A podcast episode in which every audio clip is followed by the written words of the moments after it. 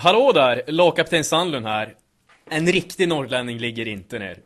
Fortsätt lyssna på Gävlepodden.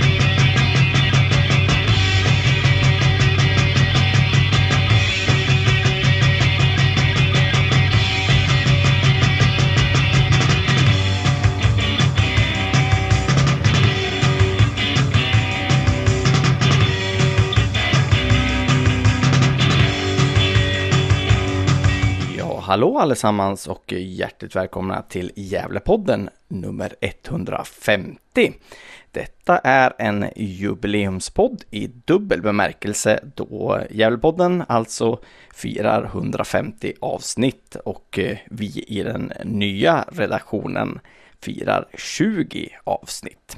Den här podden innehåller först en intervju som Hugo Ådvall gjorde med Adrian Bjerkendal Haranen där eh, Adrian pratar om eh, sin syn på Bodenmatchen, sin syn på säsongen och eh, sin syn på framtiden.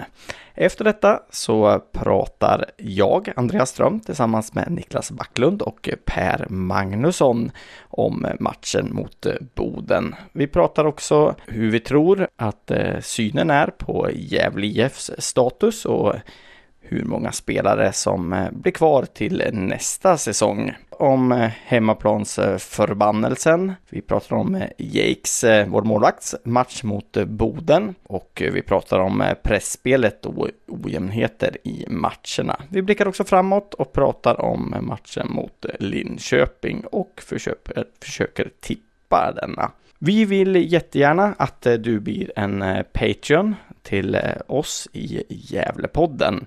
Vill du bli en Patreon så gå in på www.patreon.com Gävlepodden.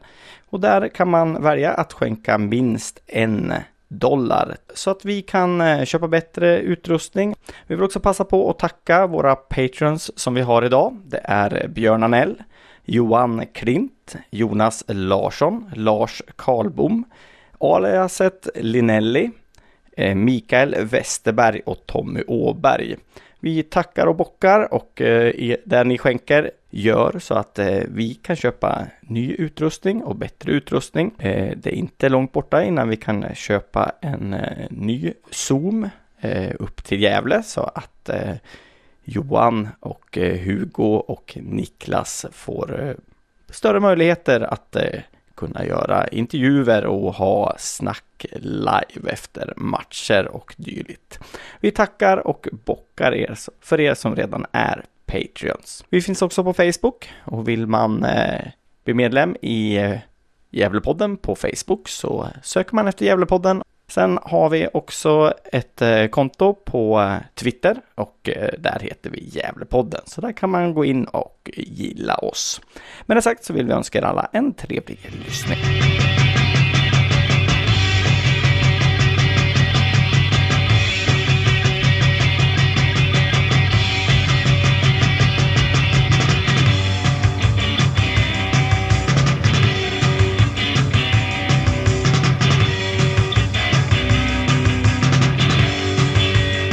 Adrian Bältendal Haranen ta steg in på Gavlevallen efter segern. Absolut, känns riktigt bra. Tre viktiga poäng mot Boden. Eh, vad tycker du om matchen? Tycker det är en eh, ganska rak match på det sättet. Inte så mycket eh, liksom eh, dutt, utan det är en rolig match att kolla på. Det händer mycket. Både kort, målchanser, ribbträffar, vi gör mål, det blir straffar. En rolig match och så tycker vi förtjänar att vinna. Eh, du var tillbaks i startelvan efter några matchers frånvaro därifrån. Hur, hur var det?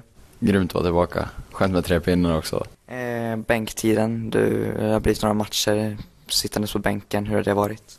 Det är klart man alltid vill starta. Sen är eh, nu var jag tillbaka nu senast och vi vann så det är skönt. Sen ibland får man ta och vara på bänken bara. Det, det är som det är liksom. Eh, annars den här säsongen, vad tycker du hittills om din och lagets säsong? Det finns ju mer att önska absolut. Jag tycker vi har en potential som vi visar stund, stundtals, men eh, det är mycket kvar för att vi ska kunna hålla en, eh, en liksom jämn hög nivå. Och det är något vi ska också utveckla, eftersträva. Sen för min egen del är det, alltså det känns helt okej. Okay.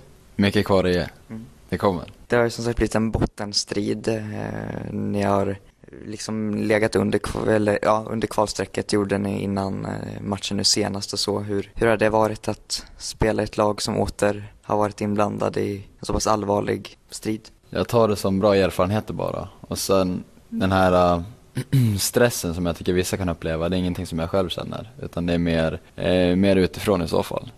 Får man se till, om man ser ändå till, tycker jag, nu på hösten har vi gjort eh, fler bra prestationer ändå sett till matcher vi har spelat än vad vi gjorde på våren. Så jag tycker ändå att det var i rätt riktning. Sen har poängen inte varit med oss helt och hållet men det var ett tufft spelschema i början. Och så tabellen kanske inte, jag tycker man kan kolla på tabellen efter alla matcher spelade, inte efter några matcher. Precis, eh, nu lyfter ni senast efter, efter vinsten och så. Vad ska ni göra för att fortsätta bygga på det och fortsätta lyfta i tabellen? Nu ska vi kika på vad vi gjorde bra mot Boden, ta med oss det in i träningsveckan och sen eh, ja, helt enkelt lägga upp matchplanen mot Linköping och sen smälla dit tre pinnar där också.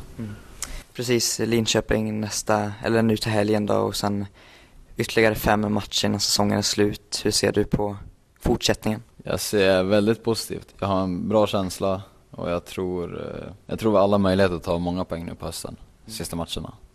Eh, och nästa säsong då, om vi bara hoppar över dit lite snabbt. Eh, din period i klubben och så, blir du kvar i Gävle IF? Det är inget jag kan ge ett ja eller nej svar på men ambitionen är absolut att spela fotboll med Gävle IF.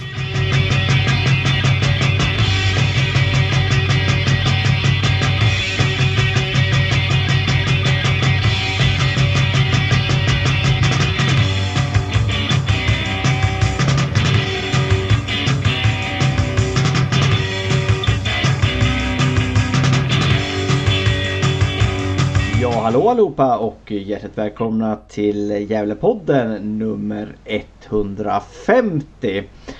Det här är ju en jubileumspodd på grund av att det är nummer 150 men det är också eh, nummer 20 sen eh, jag, eh, Andreas Ström och eh, Johan Norrström Hugo Ådvall tog över och sen har vi fått eh, sällskap av eh, Niklas Backlund och så har vi vår hjälpreda Per Magnusson som eh, också hakar på ibland.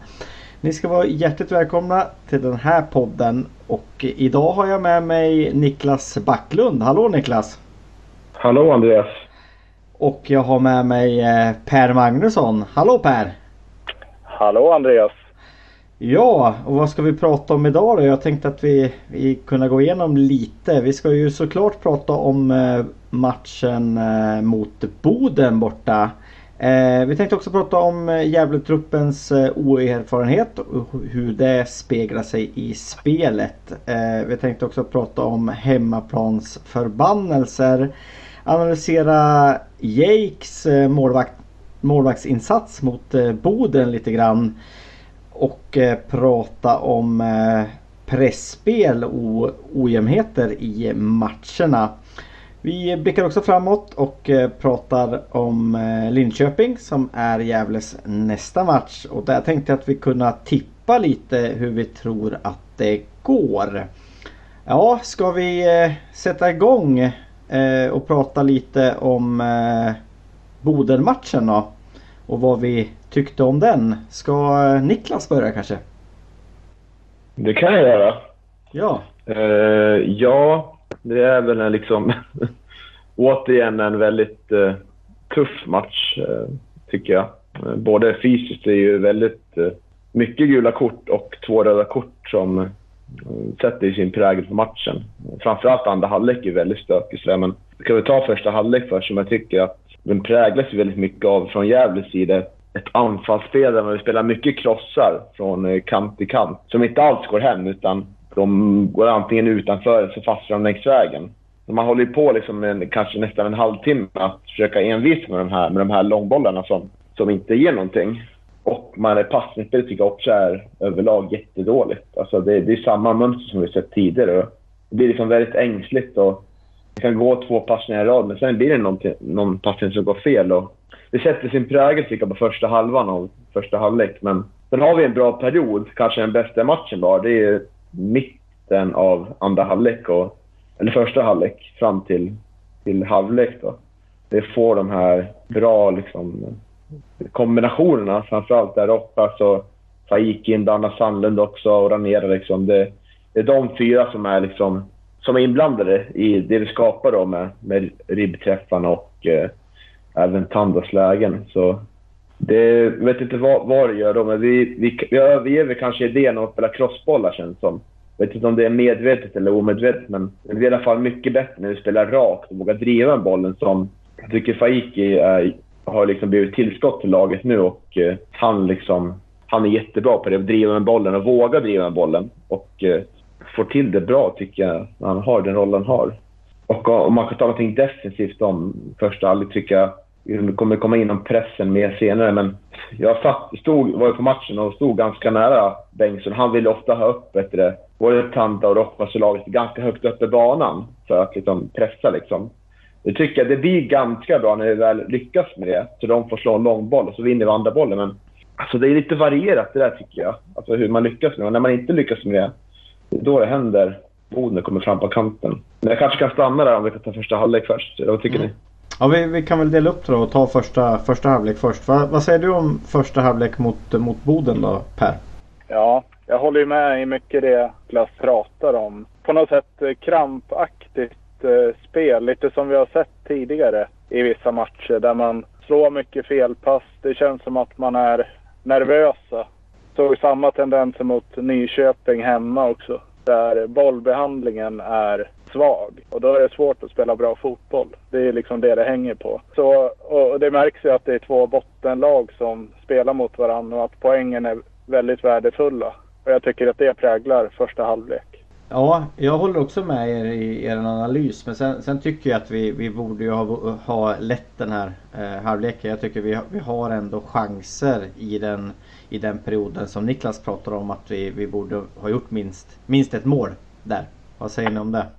Ja, så är det ju. Vi har, jag vet inte hur många ribbträffar och stolpträffar vi hade där. Det smattrade till ordentligt ett tag. Någon av dem borde vi ha satt. Ja, det här Tandas läge, det var också i första halvlek om jag kommer ihåg rätt. Mm. Ja, och den, den gör han ju jättebra räddning på målvakten. Så att jag, ja, jag tycker vi, vi borde ha gått i halvtidsvila med, med minst 1-0 ledning. Det, eller 0-1 ledning, det tycker jag. Och hade inte Ranera ett skott nära också? Var det i första halvlek? Mm, jag tror det va. Ja. ja. En reflexräddning. Riktigt bra räddning av målvakt. Eh, då hade vi fått in någon boll där så... Vi har ju sett det förut med Gävle att eh, får vi in ett mål så kan vi liksom lugna oss lite och, och spelar bättre med lite mer självförtroende. Och eh, jag mm. tror att matchen hade sett annorlunda ut om, om det hade skett.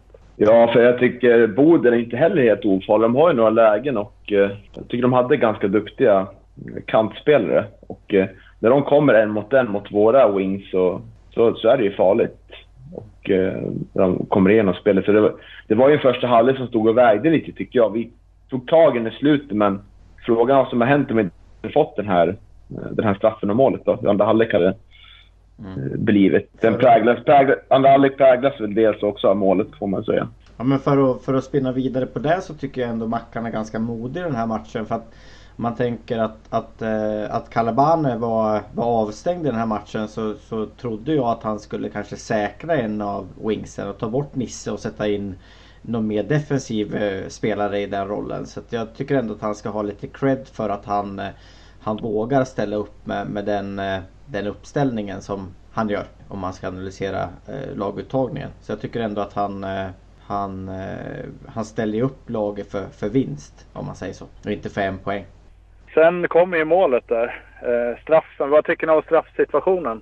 Ja, man får väl säga, tack på hur mycket Tand har liksom blivit motarbetad tycker jag under året. Um, för sin fysik och tyngd som spelare så får det här vara någonting som gör det rättvist ändå. Det kanske inte är straff 100 procent, man bara ser till situationen i sig, men överlag till en säsong kanske samlar ihop till en straff ändå. Så resonerar jag i alla fall. Ja, jag har svårt eh, i den situationen för det är ju... Det är väl kanske en 50-50-situation. Eh, eh, alltså 50% straff och 50% inte. Och ibland blåser de på dem och ibland gör de det inte. Men eh, reaktionen från, från Boden är ju... De tycker ju inte att det är straff. Och, och det, det var väl hela melodin i den här matchen alltså. Alla, allt tjafs och allt liksom. Och jag funderar på om, om, om mycket av det där är för att det är en kvinnlig domare också. Va, vad säger ni om det? Att det blir så mycket alltså, diskussioner och, och gula kort på snack och, och sådana såna grejer. Mm, svårt att säga kan jag tycka. Eh, jag tycker dels att den här spelaren som blev utvisad, första Bodenspelaren, borde varit utvisad långt tidigare.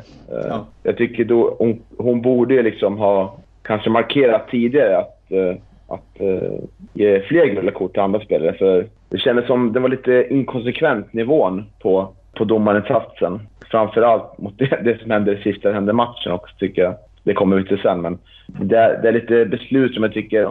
Man märkte också på bänken där att Marcus Bengtsson var väldigt upprörd över att, uh, över att uh, det inte blev några mer gula kort på deras mittfält eh, för gällande omställningslägen och blev neddragen en del gånger och det inte blev någonting. Så det var, fanns ju en kritik från båda tränarhåll. För Bodens tränare blev tillsagd. Han var också ganska rosenrasande. Så jag tycker domaren var lite konsekvent hela tiden. Vilket gjorde att det, det blev som det blev.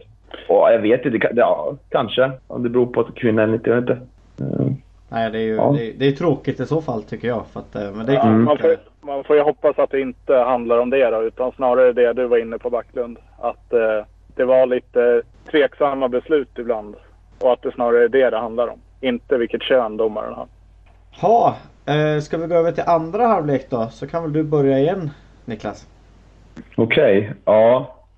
Ja, det blir ju väldigt tillbakadragen tycker jag, andra halvlek. Det blir ju så automatiskt när vi, när vi ligger under. Det brukar ju bli så tyvärr. Jag ville mer ska liksom när inte vara så pelor.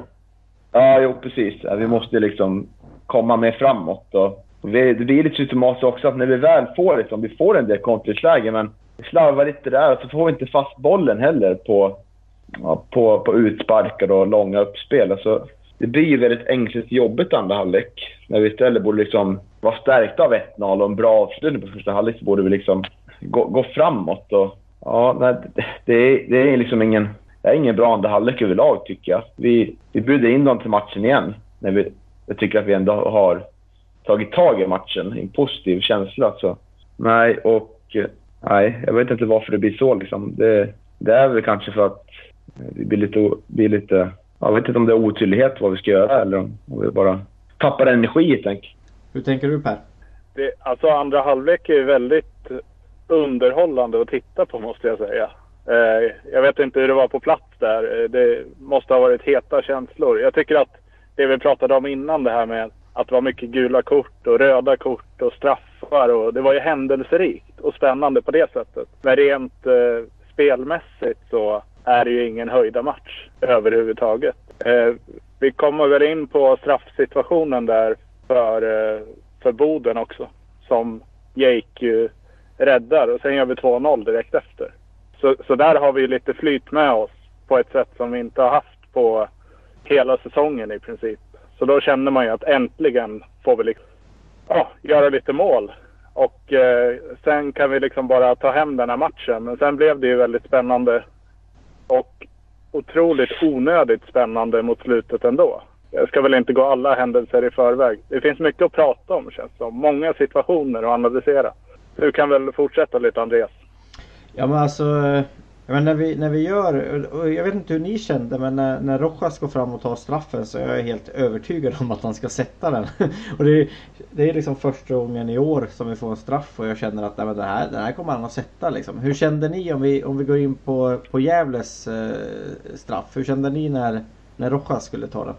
Eh, jag vet inte om ni såg på tv-bilderna men det var ju en diskussion där bland spelarna som skulle ta den. Det var ju Rojas, Tandock, någon till. Kan vara Sandlund som var involverad. Det var ju en väldigt kort diskussion och så han landade på Rojas. Så, och ja, jag var väl inte jätteövertygad att han skulle sätta den, men det kändes mer betryggande att Rojas tog fram en, en Grace. Så är det ju. Mm. Ja, jag kände också som dig Andreas, att nu sitter den. Mm. Men han, jag vet inte, det känns som att han... Eh, han har målform. Ja, han har väldigt bra självförtroende just nu. Så att, eh, mm. det, det kändes faktiskt bra. Jag har ju varit sån att jag har tyckt att Sandlund eller Ranera ska ta straffarna. Eh, för att jag tror att, att de två har, har personligheten eller självförtroendet också att sätta dem. Men, eh, men eh, det är klart att Rojas i den formen han är så... Äh, det kändes, det kändes bra. Och jag såg, det syntes inte på TVn att de hade en diskussion innan. Det gjorde det inte. Så det var intressant. viktigt att han kliver fram nu och gör det. Men samtidigt så bland, han blandar och ger också tycker jag. Han gör den här, kanske lite oklok ibland, försöker gå förbi två, tre försvarare på rad, liksom, man kan uttrycka det så, och bli av med bollen. Men lite mer klokhet. Jag tror att han kan bli ännu bättre. För nu har han ju riktigt kommit in i, i, i laget och det känns som att han riktigt har kommit igång på den här hösten på allvar. Framförallt i poängproduktionen, vilket är, vilket är väldigt viktigt. Eh, annars, som, som vi var inne på förr, så tycker jag liksom att det kommer bli liksom individuella prestationer som kommer avgöra vår säsong nu. För spelet sitter fortfarande inte. Sitter liksom i korta perioder under matchen. Eh, när vi kommer in i eh, några kombinationer och det är någon gång, det är väl en av de här träffarna när Faki kommer in och rör sig inåt mot banan och det tycker jag han kan fortsätta med. Liksom. Han har ju kommit in med kvaliteter som, som vi, vi har ingen wings som har den kvaliteten som han har. Att kunna driva med bollen och ha självförtroende och utmana. Det har ju Nisse tappat, tyvärr. Nej, så jag tror liksom att det, det blir liksom sådana kvaliteter som kommer rädda vår säsong, om den blir räddad vill säga. Mm, ja, men jag håller med om det. Och det är ju där det händer saker också, på Fakis kant. Han driver upp bollen, det blir direkt eh, farligt, man kommer mot straffområdet. Eh, och då gäller det för de andra spelarna att komma in i boxen och få passningen. Liksom. Det kan vi också bli bättre på, att liksom visa oss synliga där inne och bara stöta in bollarna. Och jag tror att det kommer bli räddningen för oss i år. Om man ska våga spekulera något i hur det kommer att gå. Mm. Eh, men, men där har vi ett jättebra vapen, helt klart. Jag vet inte om någon av er har läst eh, intervjun med Sebbe Sandlund som, som eh, var publicerad i, i Hugos blogg där. Jo. Nej, jag har inte gjort det. Nej, ja, men han säger ju ändå, ändå en, del, eh, en del intressanta eh, saker Sandlund. Alltså, men det som jag tycker genomsyrar honom det är ju, och samma när jag gjorde intervjuer med honom också, att han är ju helt övertygad om att de inte kommer åka ur division 1 utan de, de kommer att, att gå för det nu och, och, vinna matcher. Och han har ju alltså och det kan man ju hoppas att det genomsyrar hela, hela truppen för det är ju väldigt, väldigt viktigt nu att man inte kommer in i någon, någon negativitet och, och, att det är, det är poängen som räknas även om, om, om spelet hackar. Ja, jag tyckte att det var en intressant eh, intervju så har ni inte läst den ni som lyssnar så gå gärna in på Hugos blogg där och, och läs intervjun med, med Sebbe Sandlund. Mm. Mm. Ehm, ja, hur går vi vidare? Ska vi prata om, eh, om straffräddning eh, Jake då och eh, konfliktsmål Tanda? Du kan väl börja Per, den situationen då? Ja, nu ska jag försöka komma ihåg här men eh, visst är det väl en ganska tveksam straff där också va? Eh, någon fasthållning eller sådär. Mm. Ja, Eh, så att det jämnar väl ut sig lite grann. Att Gävle fick en halv tveksam straff och så får Boden en. Och eh, tack och lov så, så räddar ju Jake och de får inte in returbollen. Så riktigt skönt. Eh, och eh, Tanda gör det han, han har misslyckats ganska ofta med på senare tid. Eh, göra mål eller skjuta där målvakten inte är. Vad säger du om mål mm. Niklas? Uh, ja, det är väldigt kliniskt. Riktigt skönt att han, han har också börjat komma igång nu. Jag tycker han, han gör Tanda liksom, ja, en helt okej okay match ändå. Liksom. Han, han vinner en del. Hans tyngd är ganska viktig tycker jag när man spelar med långbollar.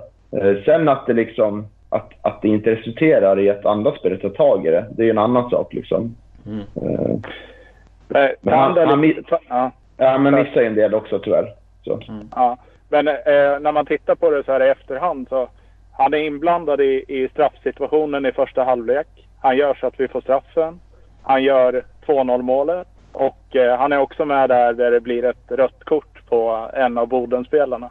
Så han är ju väldigt liksom inblandad i de här viktiga eh, situationerna under matchen. Så med det sagt så gör han ju en godkänd match, helt klart. Och det var nog det solklaraste röda kortet på väldigt, väldigt länge. Eh, ja, herregud. Och jag förstår inte varför Tanda får ett gult faktiskt i den situationen. För jag tycker inte att han... Eh, det är ju Bodenspelaren som, som springer på honom och han eh, ja, lägger en, en hand på, på bröstet och trycker bort han. Liksom. Så jag, ja, det ska vara om han sa någonting då att det är det han får för. Men eh, ja, det var solklart rött på, på Boden, Bodenspelarna. Ja. ja. Eh, sen tänkte jag väl, tyckte det var intressant för att eh, Tanda fick ju gå ner sen i slutet av matchen och spela någon slags, jag vet inte riktigt vad han spelade men han var ju defensiv i alla fall eh, i slutet av matchen. Jag vet inte riktigt vad, vad som händer om det blir en fembackslinje eller om det blir 4-4-2. Jag tyckte det var svårt att se från, Mm. från läktarplats. Men nej, jag tycker han får ju en typ av mittbacksroll. Som jag tolkar så får Kevin Persson gå ut till höger, blir det väl. Men jag vet inte, jag kommer inte ihåg hur det såg ut på vänsterkanten. Om det var Falk gick ner, om det var 4-4-2 eller 3-5-2. Eh, Jag har svårt att se också. Han, eh, jag tycker att ibland ser han ut att vara defensiv mittfältare. Ibland ser han ut att vara mittback. Så, ja, det är svårt. Men jag tyckte ändå att han gjorde det ganska bra där. Det var inte så att jag tänkte så här att nu, nu går det åt skogen. Utan det, han kände sig ganska trygg i, där. Mm. Som städgumma liksom. Eller som den, ja, lite Kalle rollen liksom. Där. Ja, ja, håller med. Ja. Mm, jag blev lite så här nervös när de där bytena gjordes. Liksom, att det skulle hålla på ända nu liksom, i slutet. Liksom. Att det, jag var rädd att det skulle bli väldigt förvirrat kring positioner och sånt. Och kan väl tycka i efterhand att det blir lite så här... Linus Mattsson kom in och Måns Berg. Linus Mattsson får... Jag tycker Linus Mattsson han har problem med positionsspelet tidigare. Och eh, tycker inte han är så här en innermittfältare heller. Liksom. Han skulle väl ligga på topp eller på en kant i så fall. Jag hade hellre sett att Ejeblad kommit in. Eller var det, han var inte på bänken? Var det... Jo, Eje Det var- på bänken. Ja, Tror jag. Och Frej var inte med va? Tror jag. ja så kanske det var. Ja. Eh, Svårt, svårt att skilja på dem där alltså. Nej men eh, eh, jag kan också känna som, som, som du gör Niklas. För jag känner så här. eh, Då ska man liksom safea den här matchen då. Och så by, byter man in en 16-åring och så en, eh, en, eh, en 19-åring i, i Berggren då för att, för att safea upp. Det känns ju inte så, så safe tycker jag.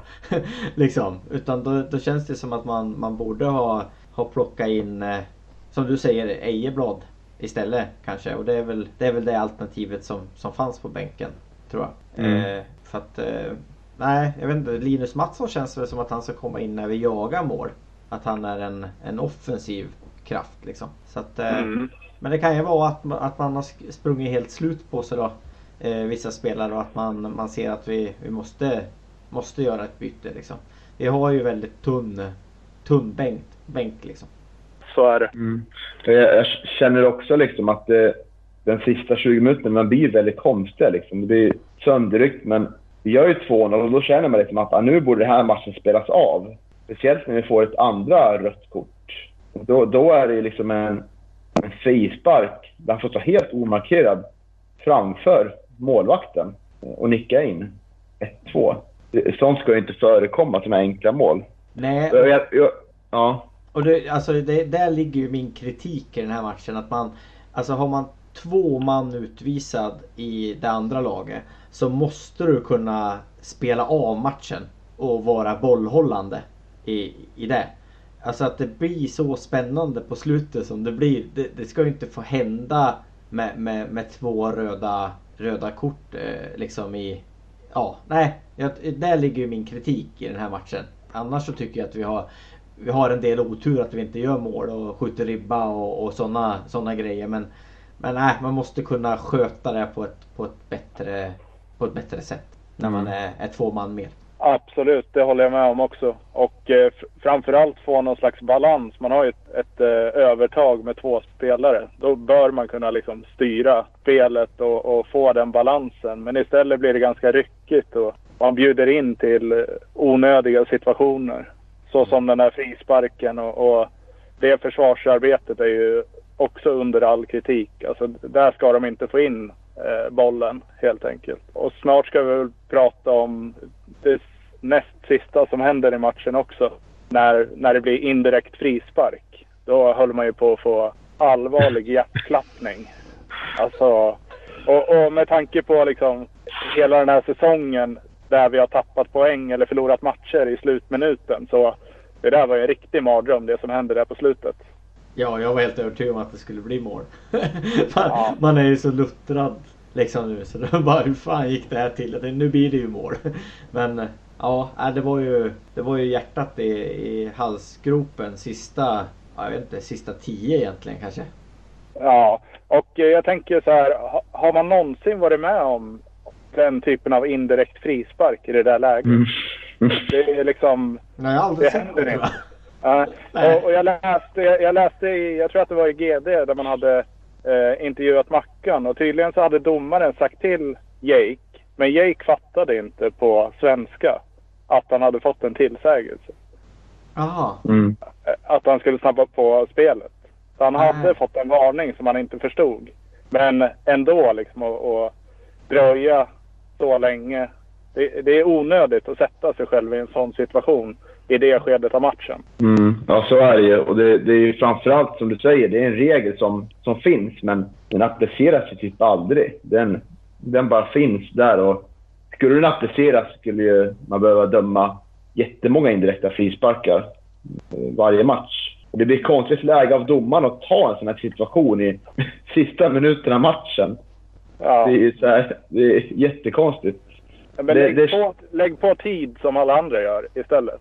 Ja, ja precis. Och det känns så kanske som att det var någonting om att man skulle kompensera för eh, beslut som Boden inte var glad över. Om det var något sånt liksom. Mm. Jag, hör, jag hörde också av Mackan efter när vi åkte- var på flygplatsen där. Att eh, precis som du säger, att han förstod inte vad, vad domaren sa. Det tycker jag domaren kanske borde, ha- borde ha koll på också på något sätt. Även för att det är slarvigt av Jake också hålla på att dröja där liksom. Onödigt mycket liksom. Det är både och liksom. Är det ingen annan i Gävles lag som kan engelska då? Jag menar om, om någon annan hör att han eh, att han att de varnar han på svenska så kanske de borde översätta bakåt då så att han han fattar. Mm. vad, Ja, vad hon säger. frågan är om, frågan om spelarna förstod att det var, det var så pass den typen av... Det är svårt att se att hon sa liksom att ja, skjut ut det nu annars blir det en direkt frispark. Utan det är väl snarare så att det var en varning på gång kanske då. Ja. Jo men man, man såg att hon var, hon var ju, det var ju andra gånger i matchen som hon, det var ju som man trodde att Gävle fick tre gula kort men det var bara Adrian som fick innan det var färdigt. För först så varnade hon ju Rojas och då sa vi Rojas nej nej det var inte jag.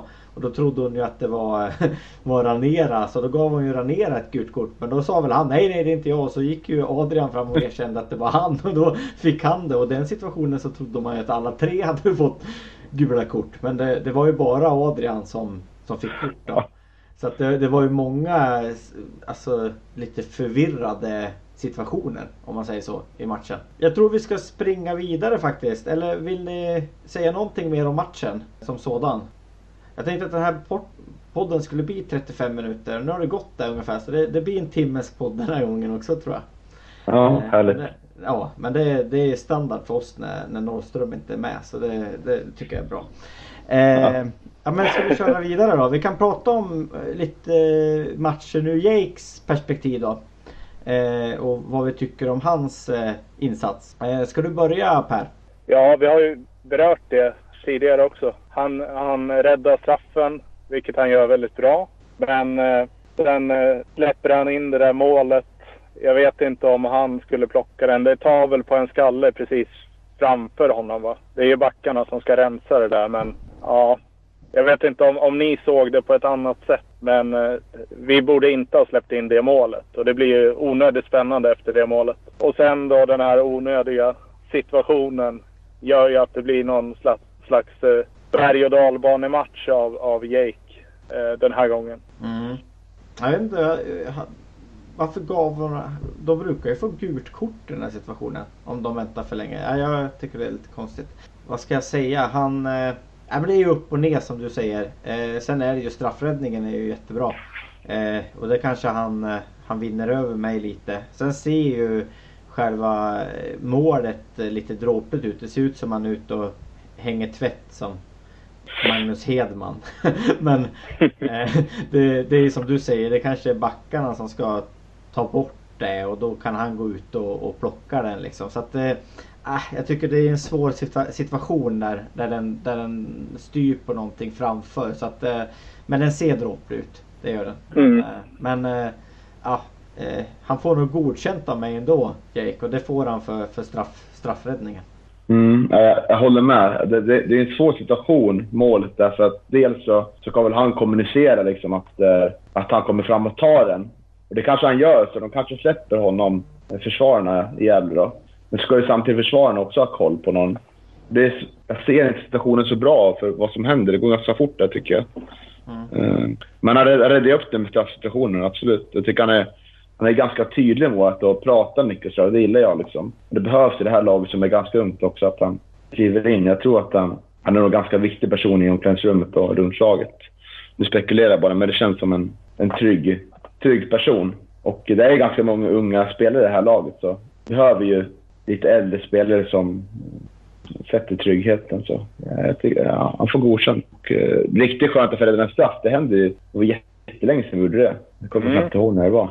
Ja, det känns som att det var Hugo som var räddade Ja, jag tänkte, för, tänkte säga det. Det ska vara Hugo då som straffar. Det känns som att eh, Axel inte tog många straffar under, under hans tid i, i Gävle-målet. Det var inte hans eh, specialitet att, att plocka straffar känns det som. Ja, men ska vi, ska vi lämna matchen helt då därhän och, och säga att det var det var mycket som var positivt men det var mycket som, som också är, är lite negativt. Men, eh, men ja. som sagt var, vi har ju efterlyst att man ska kriga till sig poängen och, och det tycker jag ändå man gör i den här matchen. Ja, och framförallt att vi vinner matchen. Eh, mm. Få med oss tre poäng som är liksom helt livsviktiga att få i det här skedet när det börjar dra ihop sig. Så Att eh, vi får ta med oss poängen och eh, lära oss av, av de här ja, misstagen, antar jag. Precis. Ja, men eh, ska vi gå vidare och prata om vi blickar framåt mot nästa säsong och eh, hur många spelarna, av spelarna som egentligen är med på den här treårsplanen. För jag tycker att det har varit lite så i de intervjuer som vi ja, har läst om och, och, eh, och, och eh, lyssnat till att eh, det, det, är många som, som säger om de får frågan om de blir kvar i Gävle nästa säsong så säger de att man vet aldrig säger de. Och det tycker jag är lite anmärkningsvärt. Eh, vad säger ni om det? Ja, ska jag köra då? Eh, jag tänker att eh, man får väl spela klart den här säsongen och se först att vi klarar kontraktet eh, innan man kan säga något. Det är väl en spontan reflektion. Sen eh, tror jag nog att man som spelare på den här nivån, eh, om vi tar Rojas, Panda, Calabane som är duktiga spelare, även Sandlund, vill spela i vinnande lag. Och eh, då gäller det att Gävle bryter den här trenden på något sätt och, och, vinner matcher på slutet här så att man känner att, man, att utvecklingen går åt rätt håll och att man vill liksom stå bakom det här projektet. Och sen tror jag också att det kan handla om vilken eh, tränare vi har nästa år också. Ja, eh, jag kan tycka att det, det blir liksom Visst, de här är väl liksom inte, inte mediatränade spelarna, men jag kan ändå tycka att det är ganska... Det sänder dåliga signaler om man går ut i intervjuer och säger att man inte vet. Utan då är det bättre... Det är väl såklart de funderar så här innerst in, inne liksom. Men då bör man inte säga det utåt för att skapa en, eh, en orolighet bland supporten och sådär. Utan fokus bör vara på den här säsongen så mycket som möjligt. Så jag tycker att nej, det sänder ingen bra signal att hålla på och säga att jag vet inte om jag är kvar. Utan de flesta spelare i, i lag från allt från liksom Premier League till ja, division 2, division 3. De säger liksom att ja, jag siktar på att spela klart den här säsongen eh, och fullfölja mitt kontrakt om, om man har ett längre kontrakt, vill säga. Eh, så jag tycker det sänder liksom ingen bra signal att hålla på och säga jag vet inte sådär. Och, så jag tycker Gävle borde ha liksom en, eh, en ganska bra liksom intern att eh, vi vill inte att du är, om du har kontrakt måste ska inte du gå ut och, vet du det, då ska du prata som att du spelar för den här klubben nästa år exempelvis sådär. Ja men det, det, är ju det, är det jag varit inne på att vi, vi inte vet hur de kontrakt spelarna har. Jag menar när vi var i Allsvenskan så visste vi att Orlov hade skrivit på ett fyraårskontrakt till exempel. Ja men då visste man det att om han, han kommer att spela Gävle fyra år om han inte blir såld liksom. Men på den här mm. nivån så känns det lite Alltså det är ju så, vi är ju ingen professionell förening utan det är en amatörförening vilket jag tror att det är så att skulle Rojas vilja plugga vidare i Stockholm sen så kommer Gävle att släppa honom. Alltså om han vill det. Mm. Jag tror inte att man, man håller kvar spelare på samma sätt även om man har ett, ett, ett, ett, eh, ett treårskontrakt till exempel. Utan vill man gå så, så, så, får man det. Som Melvin till exempel nu då att han, han vill plugga eller komma in på handel. Så det är klart att Kommer man in på handel så är man ju tvungen att flytta till Stockholm. Så, så är det ju. Men alltså jag, jag menar det finns en mycket större osäkerhet känner jag på den här nivån. På vilka lag. Och, och då blir det så, går man ut och säger att man har en treårsplan och alla ska vara med på tåget.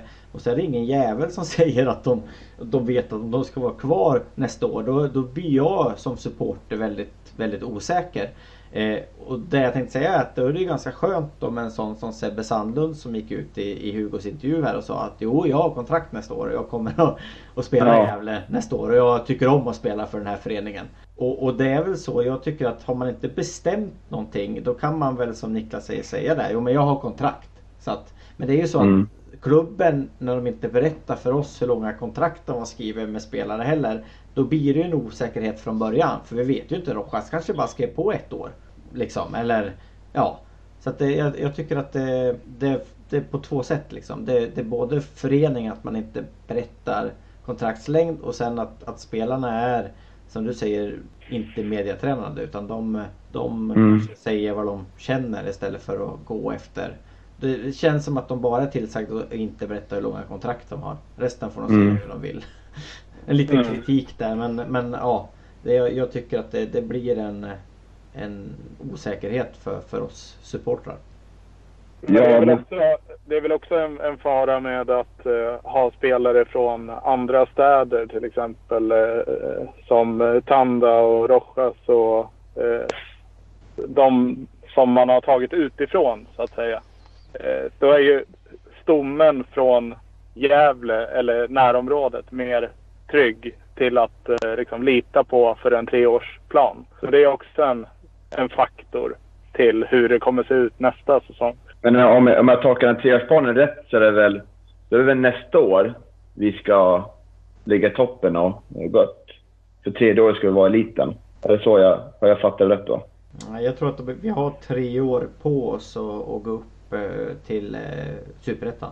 Okej, okay, ja. ja. Att man, eh, att man ska mm. växla upp liksom. Att nästa år då, då, då ska väl målsättningen vara att kanske vara ett stabilt mittenlag då, uppe, övre halvan.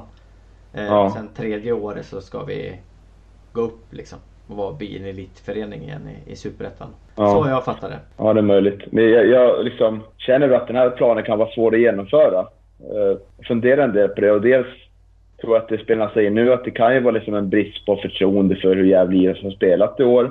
Man märker inte att det går framåt. Man kanske har en annan förhoppning att vi kommer till ett lag som åkt ut de säger att det är treårsplan, men vi vill gärna vara ett lag som ligger över halvan redan första året. Så det kan ju vara därför det ligger lite tvekan i det. Mm. Jag, jag är lite pessimistisk kring, kring läget nu. Det är väl ganska naturligt sådär, men jag tror att det kan ta många år innan vi får en rätsida på det här och som etablerar ett eget vägvinnande spel och eh, tar steget upp. Så jag är väl inställd på att det blir många jobbiga år eh, om det inte händer någonting Menar, en, en ja. förutsättning för att vi, vi snabbare än du tänker ska ta oss upp Niklas, det är ju att, eh, att vi har en stomme som kommer att spela ihop nu. För jag tycker ändå, jag, jag håller med Sandlund i den analysen han gör i, i den intervjun att, att de har spelat bättre nu. För han menar ju på att från början så, så kände de inte varandra överhuvudtaget och att det är personkemin som har varit eh, det största problemet och inte eh, spelsättet. Och, och då mm. är ju förutsättningen, jag menar på den tiden vi, vi gick från, från division 2 upp till, till allsvenskan. Då, då hade vi samma stomme. Vi hade Hedlund, vi hade eh, Hugosson, vi hade Bernhardsson, vi hade Voxlin liksom. Eh, och man byggde på den stommen liksom. Och den kunde, höll ju oss i, i allsvenskan ja, ända fram till, till Roger Sandbergs tid egentligen. Eh, så att jag menar att, att man har en stomme av samma spelare som, som eh, spelar ihop. Det, det tror jag är en, en nyckeln till att, att ta sig uppåt i seriesystemet igen. Lyckas vi inte mm. behålla de vi vill behålla då, då kommer det bli jäkligt svårt. Ja, man ska liksom ta, om man ska se någon förbättring så tycker jag att eh, augusti månad var ju becksvart men september har vi vunnit, vunnit två matcher nu.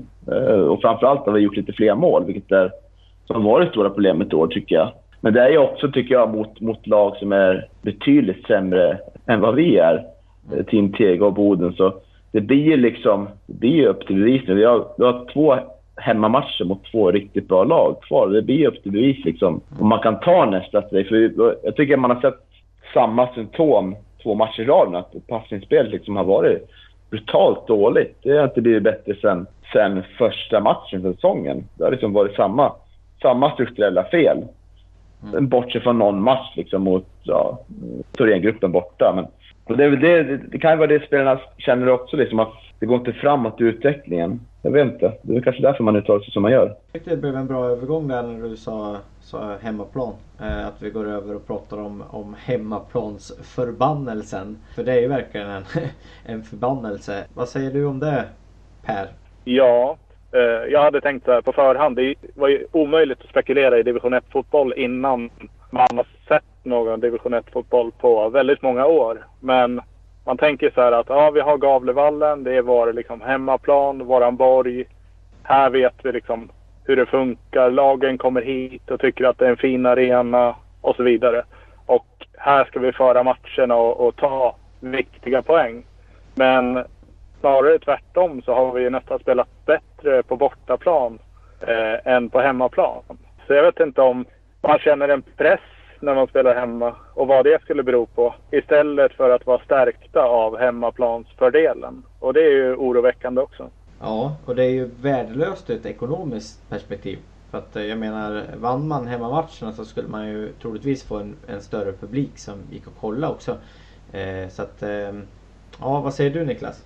Ja, jag håller med. Och framförallt om man ser till senaste matchen hemma så var det 570 pers. Det kom tillbaka lite publik då, så man vann match. Och folk vart ju mer taggade liksom och att vi kan vinna matcher. Så det, det är synd att man går och förlorar den ganska uppenbart. Och man har ju, jag tycker att det är samma mönster i den här matchen. Man är ganska bra första kvarten. Man har energi då, men sen tappar man liksom...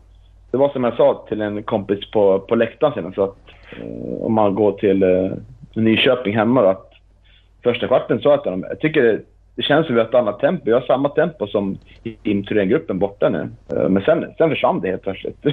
Tempot försvann och passningarna har varit lika dåliga igen. Så jag tycker det är märkligt liksom att, eh, att den, håller, den här euforin, eller vad man kallar det, den håller i sig en liten stund. Sen går det tillbaka till samma mönster av orörliga spelare och felpass. Och, och så åker man på ett mål och sen, sen lyckas man få till en liten forcering liksom, oftast.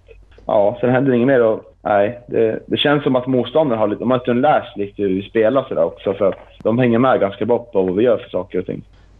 Ska vi gå över till nästa match då? Linköping. Prata lite om den. Eh, vad har ni för förväntningar? Så här på förhand så skulle ett kryss smaka ganska bra, är känslan. En, en stabil match vore härligt att se. Inte Nyköping all over again, utan att vi bjuder upp till en bra match och att vi spelar bra. Vi kan ju såklart, om vi får, det, om vi får spelet att stämma så som alla vet att vi kan så kan vi såklart vinna. Men det är väl den här osäkerheten, jojo-beteendet som vi har. Att ena matchen spelar vi bra, andra matchen spelar vi inte bra. Så det, jag tycker det är omöjligt att tippa. Eh, jag, jag, jag, förutom Akropolis så tycker jag att Linköping kanske är det laget som har imponerat mest på, på mig i den här serien. Eh, tycker att de spelar en, en, eh, en fin, fin fotboll och eh, eh, jag har ju en väldig respekt för dem. Eh, men jag, jag tror jag tippade på forumet tippade 0-0 och det är väl eh, en förhoppning mer än kanske att det, att det är realistiskt. Men, men är det, jag känner också att ett oavgjort resultat så skulle jag vara jättenöjd mot, mot Linköping. Ja, jag håller med. Men jag tycker man samtidigt ska ha liksom en aspekt att nu kommer in en, en tid på säsongen där faktiskt motivation slår klass. Mm. Linköping har 11 poäng upp till kvalplatsen. Så de behöver känna lite att deras säsong, den är nog lite färdigvarskörd liksom. Det är ganska liten sannolikhet att de kommer ta den här kvalplatsen. Och eh, vi bör, ha, bör ju ha riktigt stor eh, motivation till att, mm, till att ta, ta den här matchen. Det blir intressant. Alltså, nu är ju Norén avstängd så, och Calabane kommer tillbaka, så det blir intressant hur man tänker där. Om man vill ha Calabane på mittfältet eller backlinjen. Jag skulle hellre ha honom på mittfältet faktiskt. Eh, och... Eh, mm. Sen vilken man ska få in... Ja, det är ett, litet bekymmer då. ja. Nej, men eh, Frej Engberg kanske. Jag tycker han är förtjänar att starta. Det var länge sedan. Alltså både han och Ejeblad har ju varit liksom jättelite speltid på senaste tiden. Ja, jag känner att det mm. är svårt alltså att sätta någon annan som mitt mittback av de tre än, eh, än Axel och, och Calvane. Alltså jag vet inte vil- vilken av dem som skulle klara av det riktigt. Det skulle kanske vara Ejeblad då. Eh, Ja, för jag, för jag tyckte liksom att när vi mötte Linköping senast, eh, det var i maj, så var de ganska snabba, liksom, deras anfallare. Och eh, då passade det bättre med någon annan än Calabana som inte är så, så snabb. Då, Mm. jag. Ja, men det gäller ju att den mittbacken, för det är den mittbacken som styr de, de andra två. Att det är någon, någon annan då som har de egenskaperna. Eh, tänkte jag säga. Eh, Mm. Nej, det var intressant. Eh, Mm, det ska kanske vara Louis prova den rollen. De, då förlorar de li- lite uppspels... Eh, eh, någon som driver på kanten sådär. Så det, Ja. Nej, men jag tycker ändå eh, Ejeblad kanske är mogen för att, för att klara av det. För jag tycker att han är en, en mittback och inte en, en wing. Det tycker jag att han har bevisat nu. Men jag tänkte säga det, Linköping har ju inte jättebra form heller. De har ju på de fem senaste så har de ju tre oavgjorda, en vinst och en förlust. Och de har ju vunnit nio matcher och, och Gävle har ju nu vunnit sju. Så att eh, jag kanske ska hoppas på vinst ändå. Ja, det gör vi alltid. Men de har väl haft ganska tufft spelschema också. De har ju kryssat mot Akropolis till exempel och Mm. Umeå och haft lite sådana här topplag. Så att eh, de har inte haft det helt enkelt heller på slutet. Jag tror det blir, blir en tuff match. Ja, de, eh, de har alltså kryssat mot Akropolis ja, men de har även kryssat mot eh, Team Tege va? Nej, det vann de va? 3-0 senast. Ja, ah, okej. Det var den de vann. Alright. Ja. Men, men eh, för att göra lite promotion så är det ju Örebro-matcherna som kommer bli eh, riktigt spännande och där vill man ju ta poängen. Eh, när det blir mötet mot Rynninge och sen kommer forward några helger efter också. Det är mm. de matcherna man, man måste vinna eh, och ta poäng i. Så att, eh, det kommer ju bli en spännande höst här. Mm. Ja, det blir ju bortamatcherna som blir de måste-matcherna. Precis som det har, har varit nu då, i den här månaden tycker jag. Det har vi löst hittills. Så det blir ju bara en bonus med tre poäng mot Linköping. Så får man ju tänka. Mm. Jag tycker också det är int- intressant för liksom...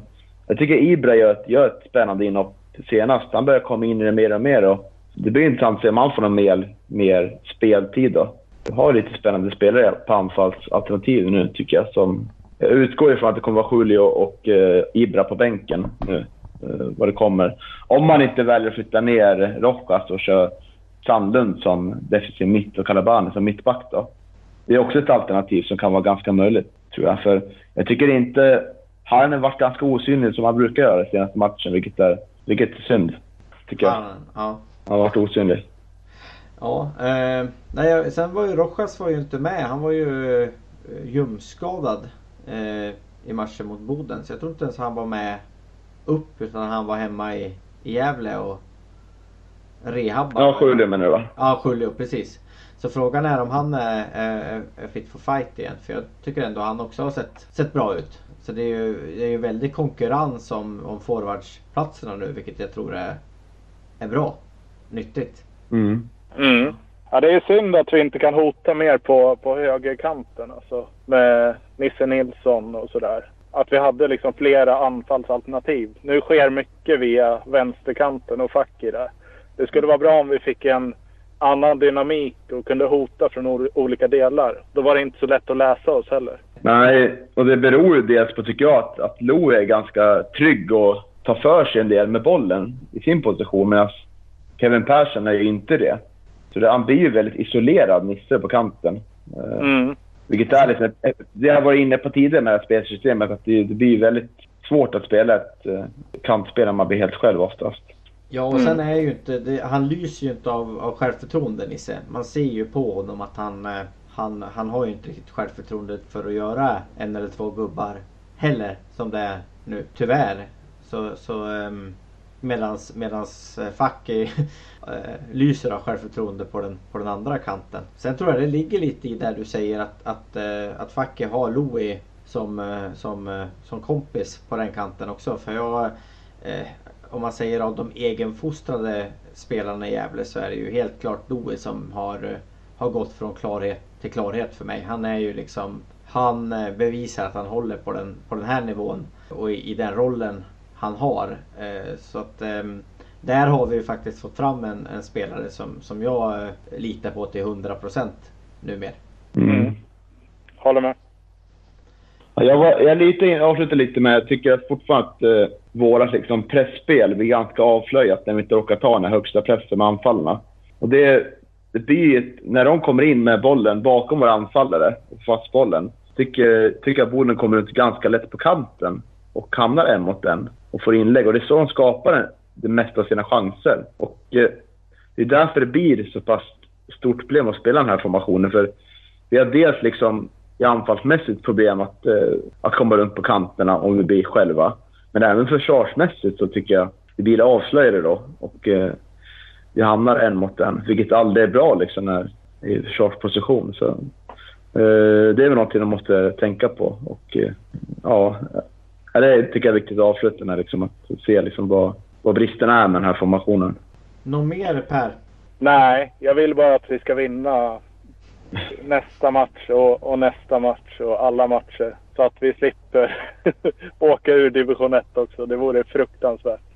Eh, men jag tror på, på Gävle ändå. Jag tror att vi kommer greja det här. Det kommer bli oerhört spännande. Ja, och alla vet att Ja. jag, att jag eh, har, är lite kär i Sebbe Sandlund och han har ju sagt att det inte är någon fara. Så jag, jag får lita på han helt enkelt. Ja, vi får göra det. Ja, eh, jag ska avsluta med att säga också att, att eh, vi har ju en intervju med vår ordförande eh, Malin Rogström på G och tanken var väl kanske att den skulle vara med i den här jubileumspodden. Eh, nu blev det inte så för att Malin är bortrest här och eh, den intervjun kommer eh, Johan Norrström att göra nästa vecka. Så förhoppningsvis så är den med i eh, nummer 151 istället. Mm. Det är nog väldigt bra. Det blir jättebra. Så eh, får eh, man jättegärna ställa frågor på forumet eh, som man vill att vi ska ställa till, eh, till Malin helt enkelt. Vi avslutar Ja. så grabbar. Tack, Tack för för idag. idag. Ha det Tack gott. själv. Tack detsamma. Ja. Hej hej. Hej.